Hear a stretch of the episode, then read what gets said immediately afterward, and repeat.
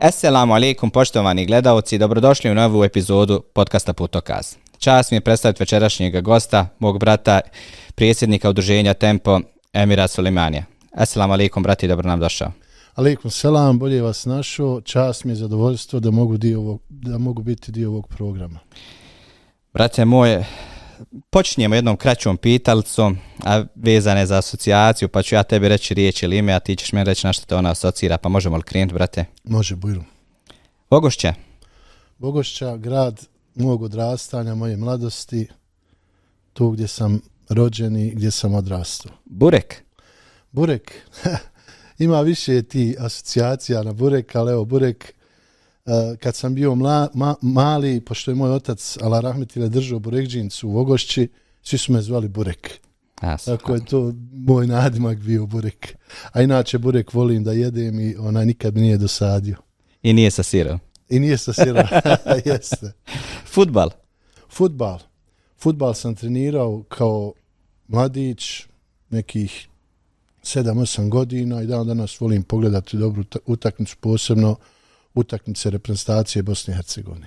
Sarajevo, Sarajevo, to je moj grad, tu sam rođen, najviše ga volim na svijetu i nikad ne bi iz njega otišao nigdje. Tu se osjećam najljepše i to je to. Dava, Dava. Dava je nešto što je mene promijenilo u mom životu.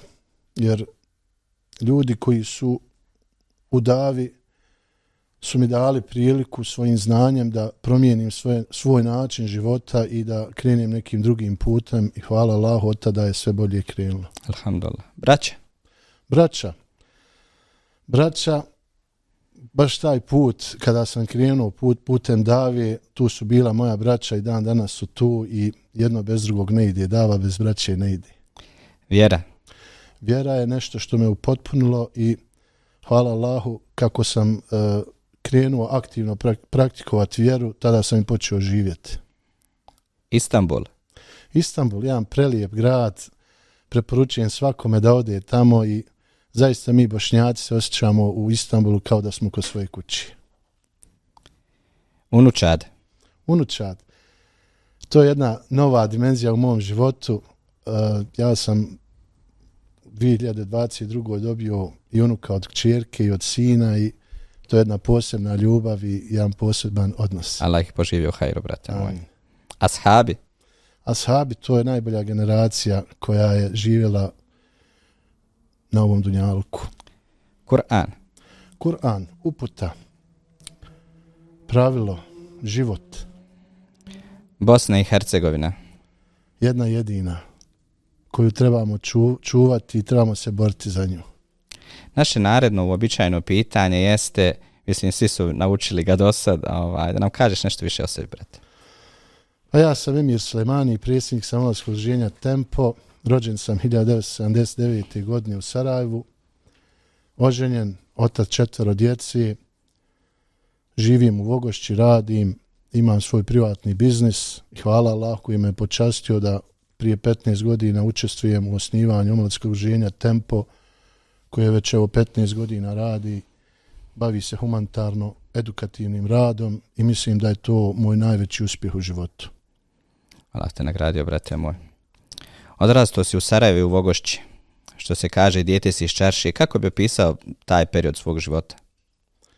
Vogošća je prigradsko naselje, Sarajevsko prigradsko naselje, znači iz Vogošće do centar grada Sarajeva je nekih 8, 8 km, nekih desetak, 15 minuta.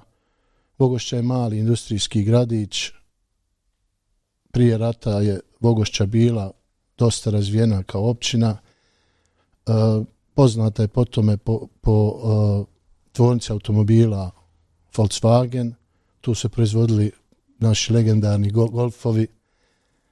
Tu sam eto odrastao, tu sam živio e, prije rata, znači bio sam sedmi razred kada se zaratilo i kada smo mi bili, morali smo na, nažalost napustiti svoju Vogošću i tako splet okolnosti. Prvo sam završio u Makedoniji, pošto je moj otac Ala Rahmetile porijeklom iz Makedonije, Albanac, tu smo bili godinu dana i onda poslije te godine smo otišli u Njemačku, u Njemačkoj sam završio školu, naučio dobro e, jezik i 97. godine sam se vratio u Vogošću i hvala Allahu do dana današnjeg sam u Vogošći, tu sam, oženio sam se, kao što sam rekao, imam četvero djeci, Mašal. od to četvero djece dvoje su se već udali oženili, eto, djedo sam dva prelijepa unuka i na tome sam zahvalan Allahu Đelešanu. Koliko se sjećaš vjere iz tog perioda i čemu je bila, da tako kažemo, preokupacija tada mladi? Pa znaš kako, e, što se tiče vjere u prijeratnom periodu u, u Vogošći, vjera se tada svodila samo na mevlude, nažalost, i na tehvide, i na onaj period Ramazana kada smo kod djeca išli na teravije. Sjećam se dobro da su uvijek, da je kod nas bio u mojoj mahali e, običaj da kod koga bude iftar, onda se ode na teraviju pa se vrati na sjelo i to je to uglavnom bilo, nisam išao nažalost u Mekteb, niti je bilo tada Mekteba, nije bilo ni vjeronauke, što govori puno o tome koliko nam je sad, hvala Allahu, bolje stanje i koliko današnja generacija omladine može da uči o svojoj vjeri i u školi i u Mektebu, a mi nažalost nismo imali tu priliku. I kasnije sam to onaj vidio koliko, koliko to insanu koliko insanu fali ta, ta nauka koju je trebao sticati kroz Mekteb, kroz, kroz uh, vjeronauku u školi, nažalost te generacije koje su rasle prije rata nisu to imale barem što se tiče Vogošće jer mi u Vogošći nismo imali ni centralnu džamiju ni centralnu džamiju nismo imali nismo imali ni, ni, ni onaj priliku da učimo negdje o vjeri zato što prva džamija nam je bila u Ugorskom ili u Semzovcu i u na Kobljoj glavi znači Vogošća danas ima preko 15 džamija, prije rata imala samo tri džamije. Maša. Maš. Salam alaikum. Ja bih volio jedno pitanje da postavim vezano za, za ovaj prethodni tvoj odgovor. Rekao si da si kao izbjeglica u, u periodu rata bio u Njemačkoj. Danas često mladi ljudi um, hrle ka, ka, ka toj zemlji u, u nadi za, za nekim boljim životom u nadi za, za boljim standardom. Ti si osoba koja, koja ističe svoju uh, ljubav prema domovini. Malo prije ovoj pitac to, to rekao kao jedna jedina. Uh, tvoje mišljenje o tome e, i tvoje iskustvo nekog boravka u Njemačkoj, bio si dijete, logično nisi, nisi imao te neke obaveze porodične i tako dalje, ali kao neko koji ima određeno iskustvo boravka u Njemačkoj, kakav ti imaš um, stav po pitanju odlaska mladi u, u, na zapad općenito i kako je tvoje mišljenje po pitanju njihove prihvaćenosti nas? Ovako, ja sam 92. kada sam, 93. kada sam došao u Njemačku imao 14 godina. Zaista je to bio jedan težak period i zaista svi oni koji se sad odluče da idu za Njemačku, moraju biti spremni da će prvi pet godina baš biti teško. Znači, mi smo, ja i moja sestra i moja majka smo došli, živjeli smo u jednom zamku, zamak je to udaljen 3-4 km od grada, ni okolo su sve bile onaj poljoprivredno zemljište, njive su bile. Teško nam je zaista bilo i u nekim momentima smo poželjeli da se vratimo u Makedoniju iako u Makedoniji je život bio težak, ali puno nam je bolje bilo, puno bolje smo ostavili stanje u Makedoniji nego to koje nas je zateklo kada smo došli u Njemačku. I zaista prve godine dok ja nisam naučio jezik, dok nisam onaj se počeo snalaziti, dok, dok nisam, jer kad ne znaš jezik ti si ovisan da ti neko drugi pomogne. A ako kad znaš jezik odmah ti je lakše. Međutim, ono što moram isteći, što ja uvijek ističem, onaj ko nije zahvalan ljudima, nije zahvalan ni Allahu. E, ja sam dobro prihvaćen od Njemaca u Njemačkoj. Zaista je, onaj, sjećam se kad sam krenuo u školu, zaista su nas lijepo primili, imali su, imali su obzira prema nama, s obzirom da, da, da su znali da dolazimo iz rata, da dolazimo iz države koja je e, napadnuta, koja je na, na koju je izvršena agresija, onaj, imali su obzira prema nama i to to onaj nikad neću zaboraviti onaj te lijepe momente međutim ono što želim da kažem e, omladini, puno, puno je proširena kod nas priča, pogotovo sad ovo e, predizborno vrijeme i e, prepucavanje raznih stranaka, kako ono priča, omladina nam ide. Pa znate šta, omladina ide, ali ne ide samo omladina iz Bosne i Hercegovine. Ja često pratim njemačke kanale i uh, ko zna njemački jezik može može naći emisiju, ja mislim Pro Ziben ili RTL, ne znam ko emituje tu emisiju, koja se zove Auswandara. Auswandara znači oni koji se iseljavaju iz države. I puno je onaj omladine koji iz Njemačke iseljavaju idu u druge države. Znači to je svjetski trend odlaska ljudi, jednostavno uh, taka je situacija trenutno u svijetu da, da mnogi ljudi mogu promijeniti e, mjesto svog boravišta, da, da mogu otići negdje drugo, jer misle da će im tamo biti bolji.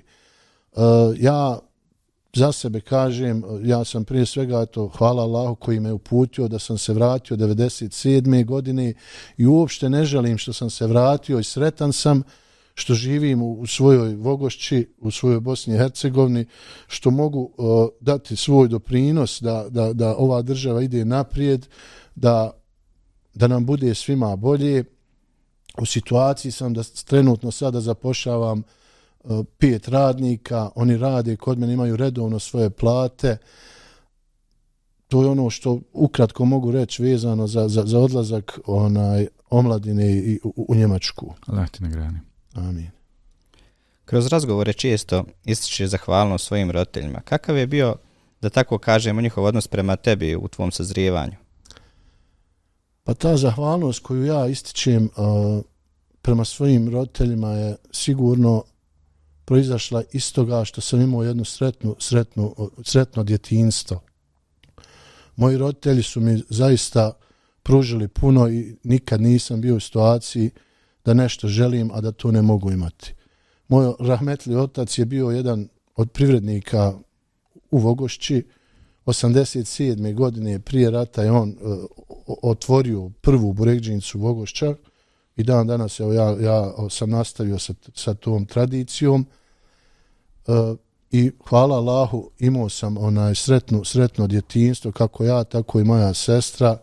Živjeli smo u, u jednoj sretnoj porodici uh, uh, ono što, što je najbitnije što ti roditelji mogu dati je međusobnu ljubav, da, da vole jedno drugo, da se poštuju, da se cijene i da djeca nisu izložena da gledaju stalno svoje roditelje kako se svađaju, kako ne funkcionišu onaj dobro.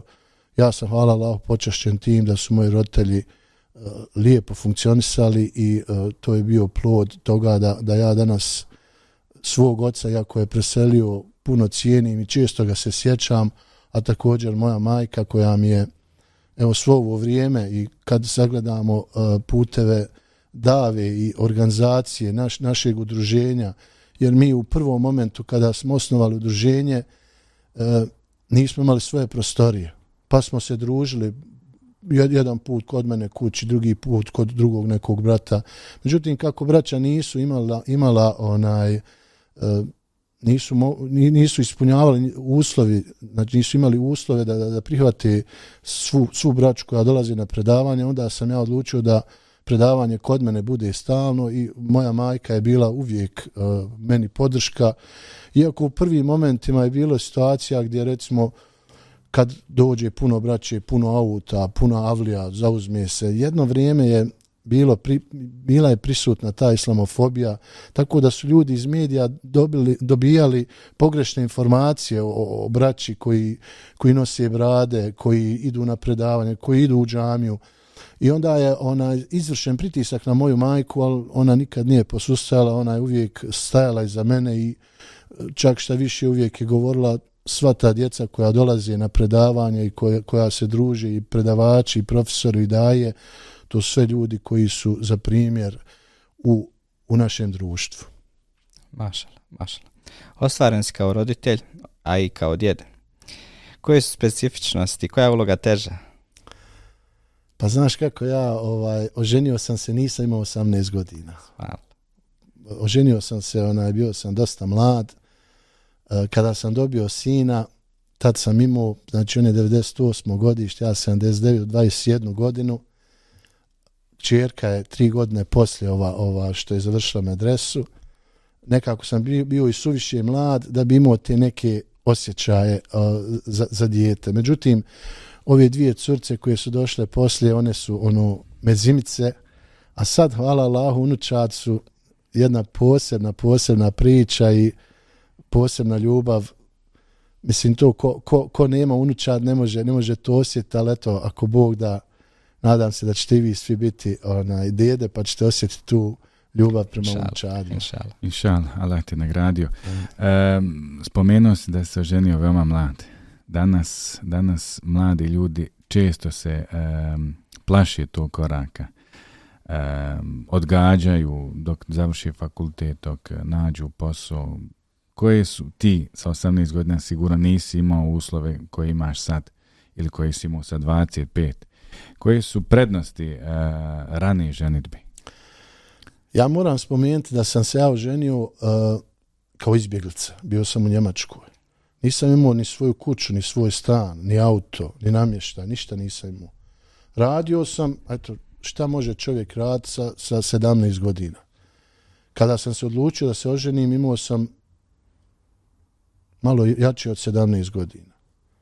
I polako sam sa svojom sadašnjom suprugom prvo našao stan, pa našao namještaj, pa sredio stan i onda sam se oženio. Moji roditelji su isto bili izbjeglice i nisu imali mogućnost da mi pruže nešto što, što, bi, što bi oni mogli, iako su imali želju. Ali nije mi ni trebalo, hvala Allahu, Allah me pomogao i ja sam to sve onaj, uspio sam i zaista se nisam pokajao ni jedne sekunde. Drago mi je što je to tako sve ispalo i uh, zadovoljan sam uh, kad čovjek razmišlja, ja sam imao neki 18 godina, eto nisam 18, tri mjeseca mi je falo do, do puni 18 godina, ali sam nekako, onaj, valjda i taj rat, brzo sam odrastao. Brzo sam odrastao i morao sam onaj brže, brže razmišljati nego možda sad ovi mladinci koji danas imaju sve. Ja sam onaj malo drugačije drugačiji imao pristup braku i hvala Allahu, tada me Allah, opet kažem, hvala Allahu, on upućuje, on nas upućuje na sve ono što radimo u životu i ona, ja sam sve to ženio i kao što sam rekao, nisam se pokajao i zahvalan sam Allahu na tome. Ja bih, brate, da se vratim na unučad. šta bi volio a, kada oni porastu, šta bi volio da postanu? Pa znate kako, onaj, san svakog vjernika je da mu djeca, pa i unučad, jer unučad su isto ko, ko, koji moja djeca, da mu budu hafsi Kur'ana. Znači, tako sam ja, to je moja želja i za moju djecu, do sad mi se nije ostvarila, hoće li mi se ostvariti, to sam Allah Đelešanu zna, ali to ja ga molim da, da mi usliša tu dovu, jer mi znamo koja je vrijednost Hifsa Kur'ana i koliko svaki roditelj ima nagradu od hifsa svoga djeteta. Pored toga, što se tiče hifsa, normalno čovjek bi volio da završi fakultete i da, da, da, da uči o svojoj vjeri, da majke odgajaju dobru djecu koji će biti primjerom drugima, a naravno i, i, i očevi, recimo moj sin, moj sin da odgaja svog sina, da bude prije svega dobar čovjek, da bude musliman, vjernik, da praktikuje svoju vjeru i da bude društveno korist. Allah da pomogne, brate moj. Amin. Koliko porodce da prinosi tvom angažmanu davi? Pa kao što sam rekao, spomenuo sam onaj svoju majku koja je meni zaista velika podrška bila u svemu. Odmah posle majke moja supruga. Jer zaista uh, da moja supruga nije ono što jeste, ja, ja se ne bi mogao toliko angažovat, jer kroz ovih 15 godina rada omladskog druženja Tempo, mi svakodnevno imamo neku od aktivnosti, izdvajamo svoje vrijeme, a vrijeme koje bi normalno trebali možda uh, ustupiti svojoj porodci ili svom poslu. I uh, supruga je ta koja, koja svo vrijeme na taj način meni daje podršku i ne sputava me na tom putu. Bilo je situacija, ja se sjećam dobro, onaj 2010. godine kada smo skupljali sredstva za, za kupovinu kuće jedne majke s, s, petero, s petero djeci, samohrana majka. Ja sam tada, tada smo imali, uh, skupljali smo sredstva kroz prodaju knjiga. Svakog petka sam, znači ja išao i svaki petak sam bio odsutan iz svoje radnje. Ali tu bila moja supruga koja je radila i za sebe i za mene, jer je morala da nadoknadi i to što mene nema tu, ali se zato i osjetio Allahov bereket, jer Allah Žešanuhu niko neće uraditi ništa za, za, za u ime Allaha, da mu Allah Žešanu neće dati bereket u njegovom poslu, u njegovom vremenu i u njegovom životu. Alhamdulillah.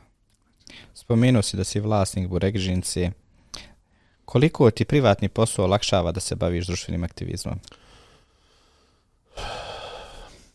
To je velika olakšavajuća okolnost. Opet kažem, onaj, ništa to ne bi moglo samo od sebe da nema da nemam ekipu ljudi koji kad ja nisam tu radi ono što bi ja trebao raditi.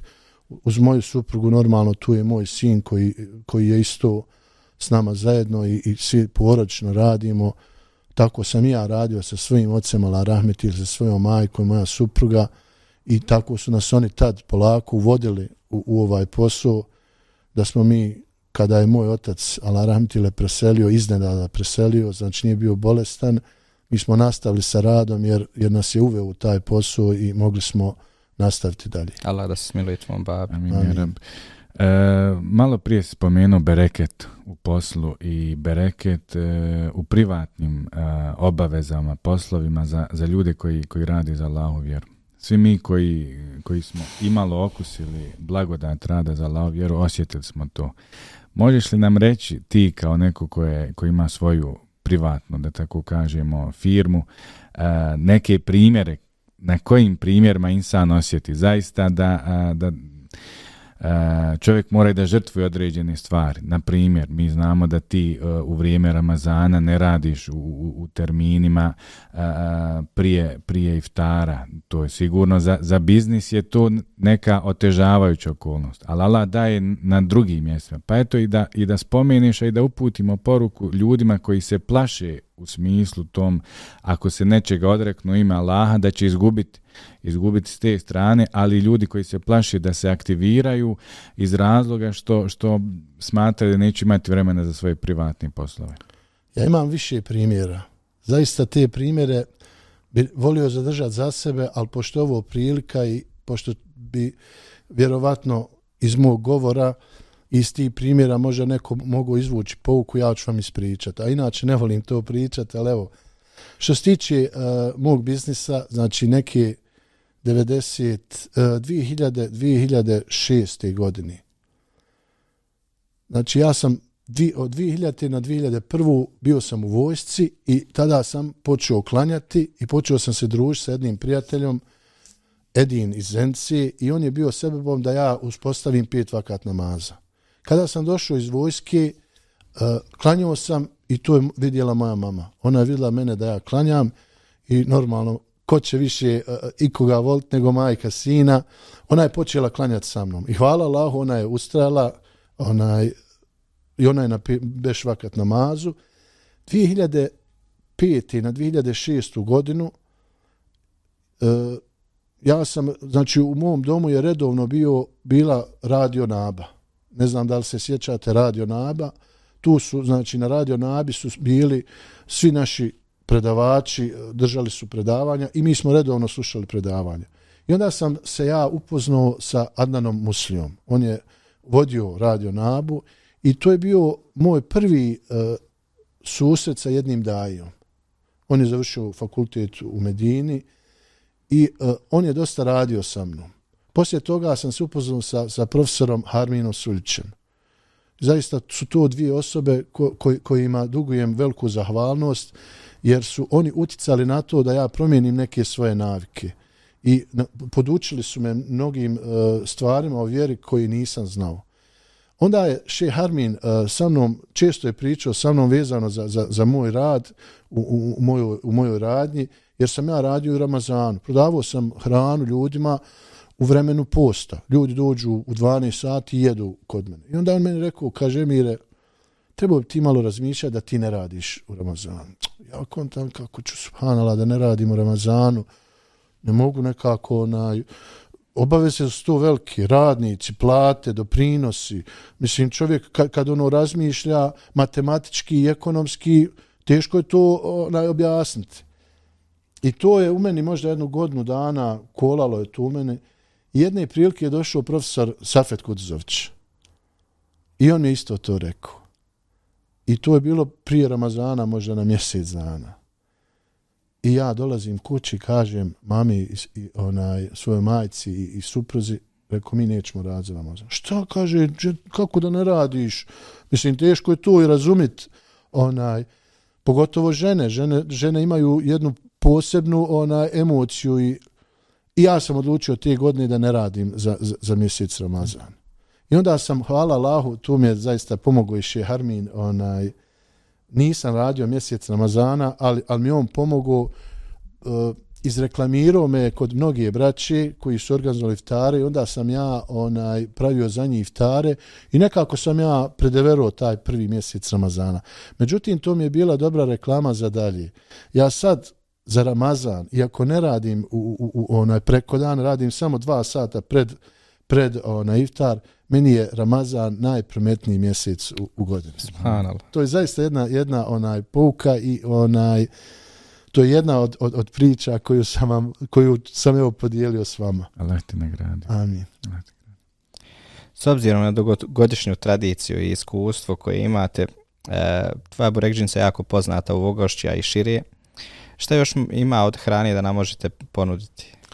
Pa znate kako, uh, naziv Burekđinica je ostala od prije rata kada se moj otac Ala Rahmet ili sa mojom majkom zajedno kada su otvorili Burekđinicu, tada tada je bila samo pita u ponudi.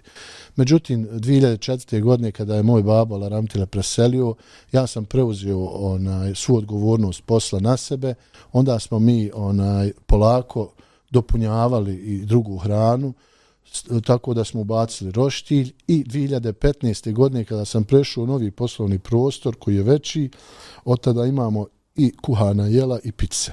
Znači Maši. imamo tu uh, ponudu, znači pite, roštilj, bosanska kuhana jela i pice. Allah da podari bereket, brate Amin. moj. Amin. Dugogodišnji si predsjednik udruženja Tempo. Možeš li nam reći za početak uh, nešto više o samom udruženju? Omladsko udruženje Tempo je osnovano 2007. godine. Tada su to bili, evo, mogu reći za sebe, mladinci, jer to je prije 15 godina. Znači, uglavnom su to mladinci koji su se okupljali oko Vogošćanske centralne džamije. Često smo se družili, e, imali smo neke aktivnosti i onda smo onaj odlučili da osnujemo udruženje kako bismo mogli e, efikasnije djelovati, kako bismo mogli e, raditi i evo hvala Allahu već 15 godina radimo. Krenuli smo s nule i hvala Allahu onaj, došli smo do nekog stepena koji je zadovoljavajući. Tempo ima jedan od najljepših centara u Bosni i Hercegovini. Šta bi to mogli momci koji dođu u Tempo da vide? Pa eto, što se tiče tog centra, malo prije sam vam spomenuo 2010. kada smo se odružili da, da kupimo kuću u ovoj samohranoj majici, tada nismo ni razmišljali o sebi. Ali nije prošlo pet godina, onda nas je Allah počastio da smo mogli imati, da, da, da smo bili u situaciji da kupimo svoj centar, to je da kupimo jednu staru kuću i jedan novi objekat koji je tek po, počeo da se, da se radi i za, za vrlo, vrlo male pare u tom vremenu smo to kupili, ali eto, to je Allah Đelšanu samo, samo nas počastio s tim i onda smo imali podršku, podršku drugih udruženja, drugih prijatelja koji su nas pomogli da izgradimo centar. Danas je taj naš centar kuća sa četiri sprata, na svakom spratu blizu nekih 100 kvadrata. Maša. Imamo uh, prostorije, uh, znači imamo Musafirhanu, to je uh, e, Musavske sobe, jer je to bila naša želja da vratimo neke naše stare običaje, jer dobro znamo da, da, da, da u, u, u, iz priča naših očeva, naših deda, da su nekad bošnjačke kuće obavezno imali u, u, svoj, u svojim domovima jedan krevet za musafira. a mi smo sve to, hvala Allah, odlučili da imamo taj jedan sprat za musafire i sad imamo tu deset kreveta, musafiri iz čitave Bosne i Hercegovine, iz Sanđaka, iz odakle god e, onaj prolazi kroz našu Vogošću, normalno sa preporukom, mogu doći u, našu, ona, u naše musavske sobe da prenoće potpuno besplatno i onaj, to je jedna e, od aktivnosti na našem omladinskom centru. Na drugom spratu imamo to jest na trećem spratu prizemnu su poslovne prostorije, trenutno ih koristimo kao magazin. E, Magazin nam je zaista potreban jer u zadnje vrijeme imamo jednu lijepu aktivnost uh, izdavanje bolnički, bolničke opreme, bolničkih kreveta. Imamo preko 20 bolničkih kreveta i uh, te iste krevete izdajemo besplatno uh, porodicama uh, koji imaju potrebu za tim krevetima jer dosta je porodica koji imaju svoje roditelje koji su bolesni i ti kreveti im puno znači. Treći sprat je uh, biblioteka i prostor gdje mi kajemo muški sprat, tu se mi druži, družimo i imamo kao jednu divanhanu, sjedimo i u potkrovlju je prostor za predavanja, za predavanje, za seminare i to je to uglavnom.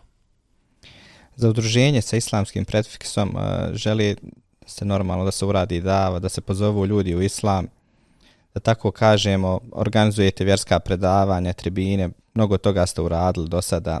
E, možeš li nam reći šta ste sve uradili i koji su planovi za budućnost?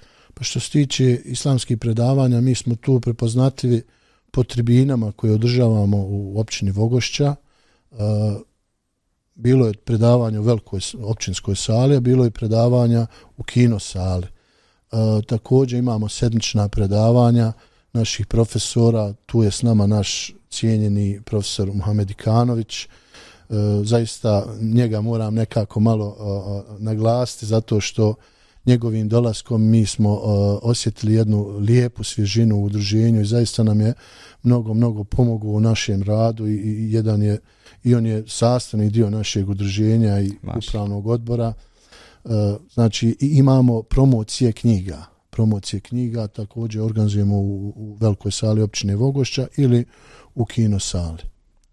Pored edukativnih projekata, vi ste karakteristični po humanitarnim aktivnostima. Koji su projekti ova, iz tog domena? Pa mi smo nekako prve, prve naše humanitarne akcije su uh, uglavnom bile iz džamije kada, kada nismo imali svoje prostorije. Međutim, od kako imamo svoje prostorije, puno je, puno je to veći broj aktivnosti. Uglavnom smo prepoznatili po tome što svaki mjesec dijelimo prehrambene, pre, prehrambeno, prehrambeno higijenske pakete kako u općini Vogošća, tako i u drugim općinama koje se na, naslanjaju na, na, na našu općinu Vogošća. E, također obilazimo povratnike, i e, njima isto dijelimo kako pakete prehrambeno-higijenske, tako i novčanu pomoć, sve ovisno od naših donatora koji prate naš rad. Mi također, evo sa novom školskom godinom smo krenuli opet sa stipendijama za jetime, za hafse Kur'ana i za e, djecu iz porodica koje žive u teški, teškim materijalnim uslovima. Tako na taj način ih pomažemo. Ono što je prepoznatljivo u, u našem radu je uh, naš projekat dubinskog usavanja džamija. Znači od 2016. godine do sad smo preko 1000 džamija usisali. E, u Vogošći imamo također jedan mali poslovni prostor e, gdje smo smjestili naš humanitarni bazar. Humanitarni bazar pod uh, uh, E, humanitarni bazar kojeg smo nazvali ako imaš viška donesi, ako si u potrebi ponesi. Tako da svi oni ljudi iz Vogošće koji imaju viška garderobe i, i obuće mogu donijeti u naš bazar, a oni koji su potrebi dođu i uzmu sebi ono što im je potrebno. Što se tiče naših aktivnosti, eto nabrojio, nabrojio sam to.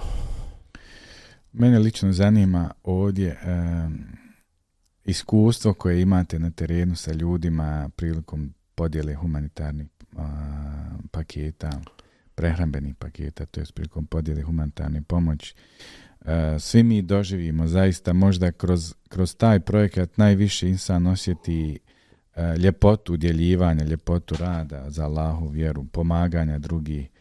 E, vi imate zaista mnogo tih projekata i, i eh, uočljivo je to da, da, da radite, da potencirate te stvari, pored naravno edukacije. Pa me zanima vaše iskustvo na terenu sa, sa tim ljudima kojima se dostaviti ti neophodni prehrambeni artikli. Iskustava ima dosta.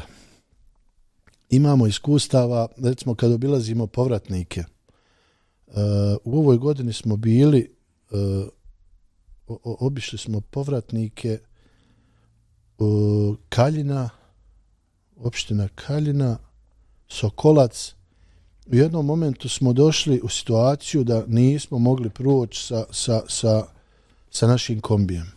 Sreća, hvala Bogu, pa nas je tada pratio džip civilne zaštite općina Vogošća i jedva smo se probili sa tim džipom civilne zaštite jednim šumskim putem kuda prolaze samo kamioni koji voze balvane, znači to je blatnjavo I došli smo do jedne kuće koja je na kraju tog puta. I tu smo obišli naš, na, na, na naše dvije porodice povratnika koji tu žive. I to je jedno od iskustava uh, gdje smo prošli ono baš baš teškim putem. Također imamo uh, svake godine obiđemo gore sela na Bjelašnici ispod Bjelašnici uh, to je Bjelimić opština Bjelimić mjesna zajednica Bjelimić tu smo isto našli jednog čovjeka koji živi skroz morali smo sići također isto sa, sa džipom civilne zaštite onaj, u kanjon rijeke e, Neretve i uh, čovjek živi tu, nema ni struje, struje ne, vode ima, ali struje nema.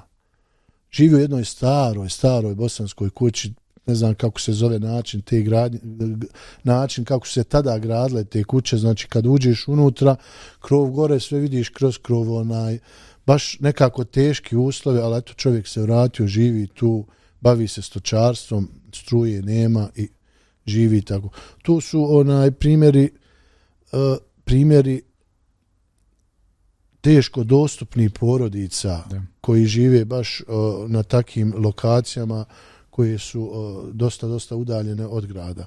A također mi imamo po Vogošći ljude koji obilazimo.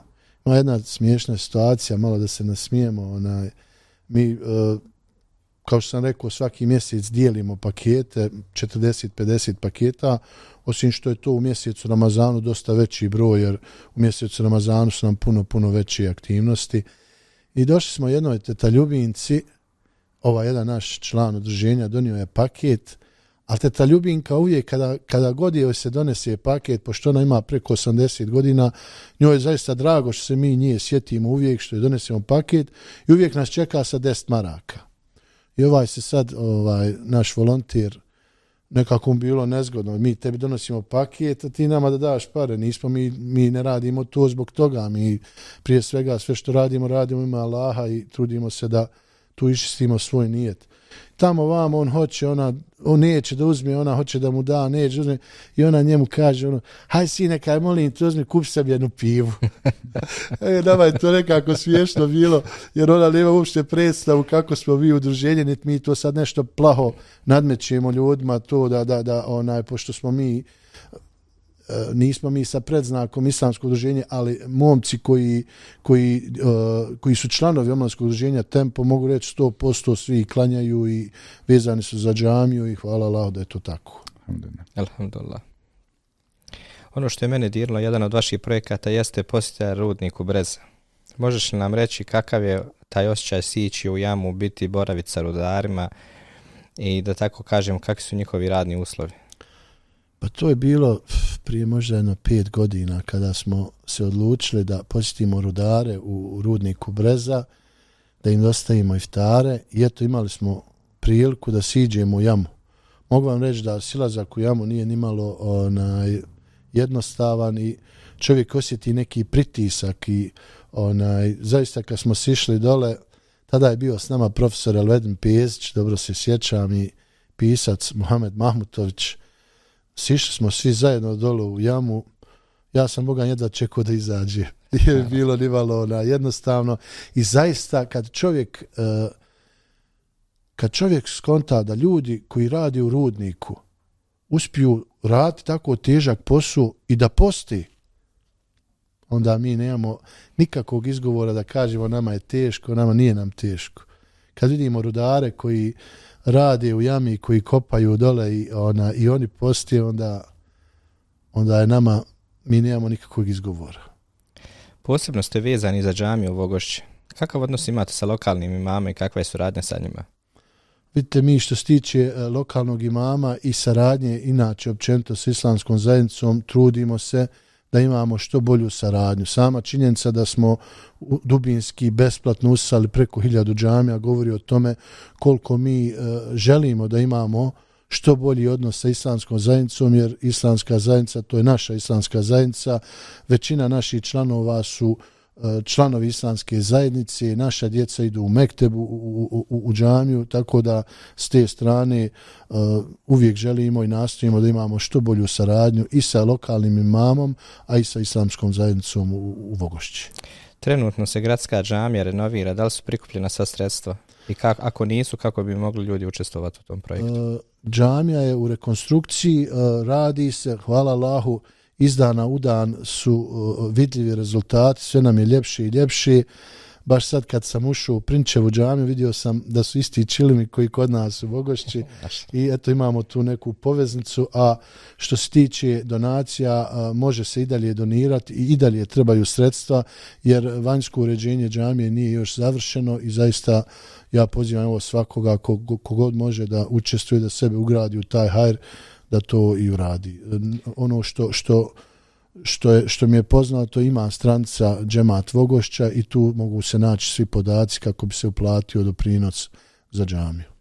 Surađujete sa drugim javnim ustanovama, kako bi opisao tu saradnju? To je nešto s čime smo počašćeni. Znači, općina Vogošća, općinski na, načelnik, gospodin Edin Smajić, mi zaista, zaista imamo tako lijepu saradnju gdje općina Vogošća, e, gdje nas općina Vogošća podržava u svim našim projektima. Čak što više, e, kada priciramo na neke projekte, općina Vogošća e, je sebe stavila na raspolaganje da, da su oni naš partner u, u svim projektima i zaista, evo, spomenuo sam par puta, znači kombi civilne zaštite i terensko vozilo civilne zaštite nam se uvijek stavlja na raspolaganje i na njih uvijek možemo računati. Ono što bi spomenuo još dodatno je televizija Vogošća koji je naš medijski partner i koji nas prate u svim našim Maša. aktivnostima i zaista je tu jedna lijepa, lijepa saradnja, dobronamjerna saradnja i, i onaj, drago nam je zbog toga i zaista se ponosimo tim što imamo takvu podršku i od općine Vogošća, a i od televizije Vogošća.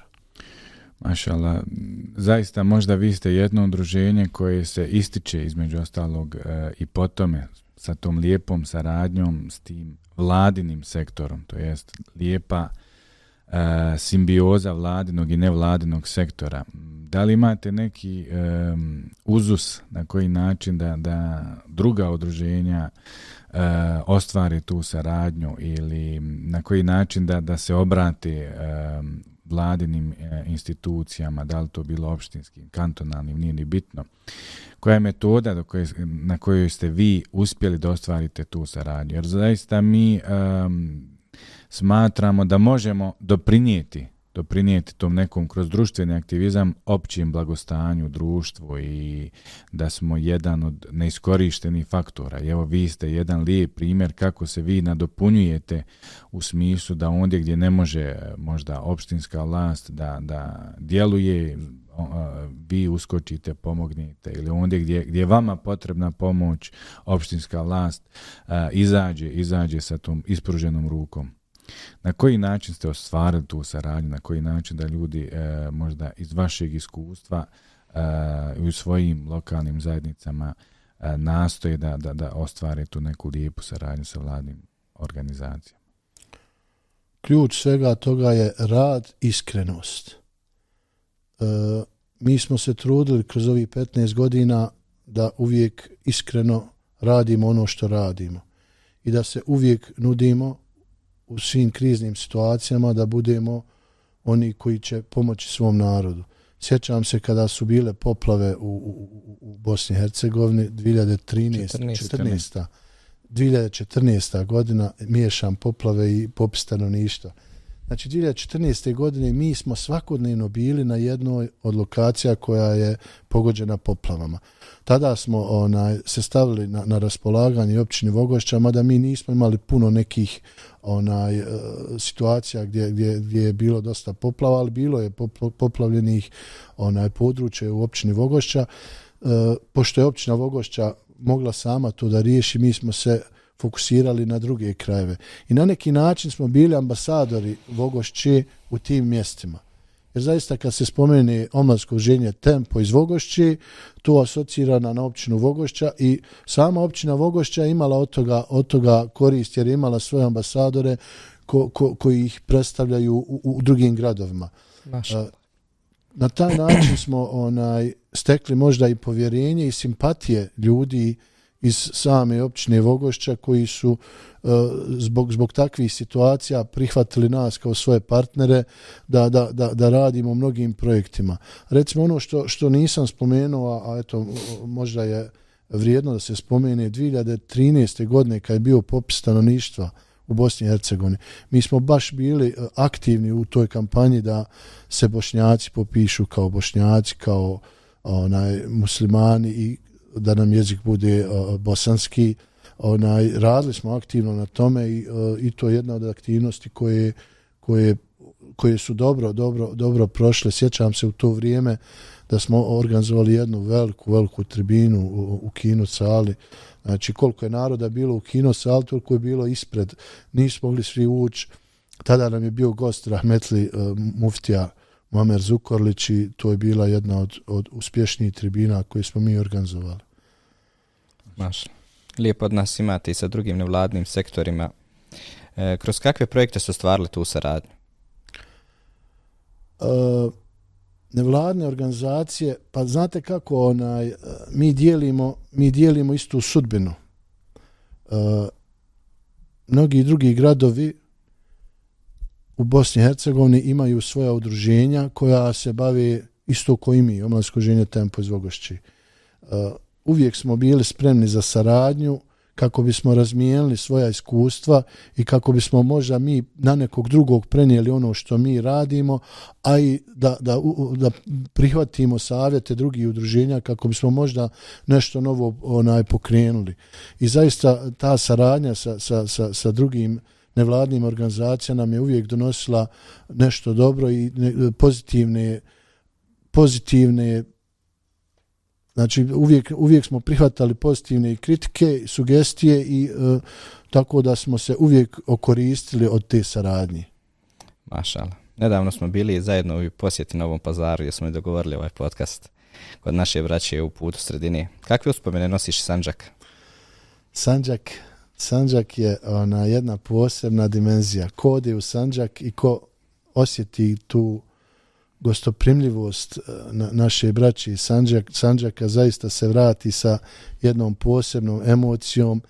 E, zaista e, ljudi u Novom pazaru, posebno braća iz puta, puta sredine, nas tako uvijek dočekaju da mi postiđeni se vratimo u Sarajevo sa, sa, sa sa razmišljanjem kako da im uzvratimo.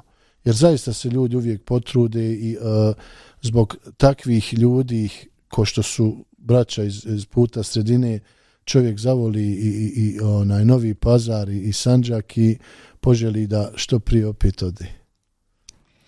I Vogošća, posebno Sarajevo u očima ljudi, u očima posmatrača, da se tamo najviše praktikuje vjera u Bosni i Hercegovini. Da li je to zaista tako? Pa ja mogu reći da je Vogošća u jednom Znači, Vogošća je prije rata imala neki 27.000 stanovnika. Sad ima oko 34.000 stanovnika. Vogošća je grad koji iz godine u godinu ima sve više i više prvačića.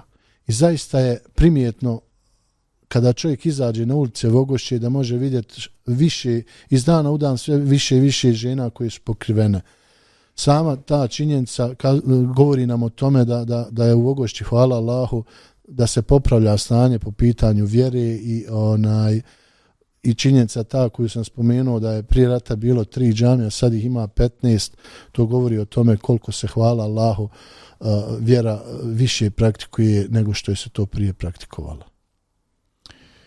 Zasigurno da je jedan od razloga većeg broja praktičara, pored nemjerljivog značaja islamske zajednice i, i rad e, naših daja i davetske organizacija. Kao neko koji je dugo vremena u davi i koji ima iskustvo 15-godišnje e, na tom polju, da li primijetiš e, ti značajnije rezultate, plodove tog, tog rada i daje i davetske organizacija u svakodnevnoj komunikaciji sa, sa ljudima kroz, kroz svoj privatni posao? Zaista je to primjetno i iz dana u dan se više i više primijeti i e, što se tiče dave velika zahvalnost tu pripada našim dajama koji su sebe žrtvovali na tom putu i e, rezultati su dosta, dosta dobri i e, mislim ako se nastaje ovako da će biti još bolji ja sam e, ponosan na, na to da, da smo mi dijelom toga svega i da mi možemo biti servis našim dajama, jer uh, mi smo ti koji organizujemo predavanje, a daje su te koji održi predavanje i jedni bez drugi ne bismo mogli, hvala Bogu, da, da smo tu jedinstveni i da tu imamo dosta dobru saradnju. Volimo, brate, da čujemo i druge organizacije, šta misli na, o našoj organizaciji, pa Bujro? Ja kada sam onaj dobio poziv od, od, od Oaze iz Tuzle da snimim ovaj podcast, podcast uh, ja kad spomenem grad Tuzla, odmah me to asocira na Oazu.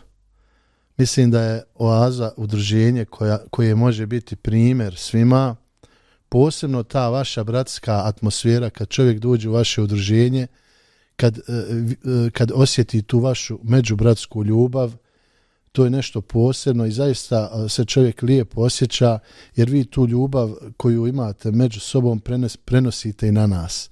I mi to zaista grad. osjećamo i meni je drago da u, jednu, da, da u Tuzli ima ovako udruženje i zaista se ponosim, ponosim s tom činjenicom da, da, da u Tuzli ima ovako udruženje koje ovako funkcioniše, same vaši projekti koje, koje ste imali onaj do sada govore puno o vama i uh, mi uh, u mnogim stvarima u vama imamo uzor.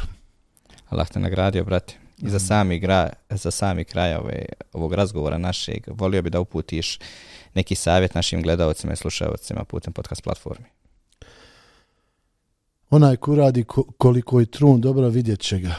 Ja bi savjetovo sve one koji budu gledali ovaj video da se uključi u društveno korisni rad u gradovima u kojim žive ima dosta udruženja, znači evo koje, koje iz Tuzli ima priliku da se priključi oazi, da bude dio tima i da sebe ugradi u dobro koje radi oaza, koje u Vogošći da, da se uključi u tempo, jer zaista kad čovjek analizira sve ove godine rada, puno je tu dobrih stvari koje su radile. Pa da samo Allah Đelešanu jednu, jednu, jedan projekat primi, velika je to stvar. Zato nemoj, nemoj da propuštamo priliku. E, naj, naj, e, pošto ja, evo, kroz omladsko udrženje Tempo vidim da, da mnogi, mnoga braća steknu dojam, aj neko će to drugi nemoj da, da, da, da, da živimo s tim dojmom, neko će drugi. Živimo s dojmom daj da ja budem tu. Da, da, da iskoristimo priliku, kad imamo priliku da činimo dobro, da se uključimo maksimalno koliko možemo u sve hajrli projekte, u davetske projekte, u humanitarne projekte i sve ono što je od dobra za, za, za našu zajednicu, za naš narod, za našu državu. Budimo uvijek u, na tom putu dobra, činimo dobro i nadajmo se dobro. Brate Emire, Allah te nagradio, Allah te dao svako dobro. Hvala te na izdvojenom vremenu. Amin, da i vas Allah Želšanu nagradi, da vam podari uspjeha u ovim vašim emisijama amin. i da se proširi što veći broj ljudi koji će ovo gledati. Amin, amin. Hvala i vama cijenjeni gledalci i slušalci. Do sljedeće epizode. Assalamu alaikum wa rahmetullahi wa barakatuh.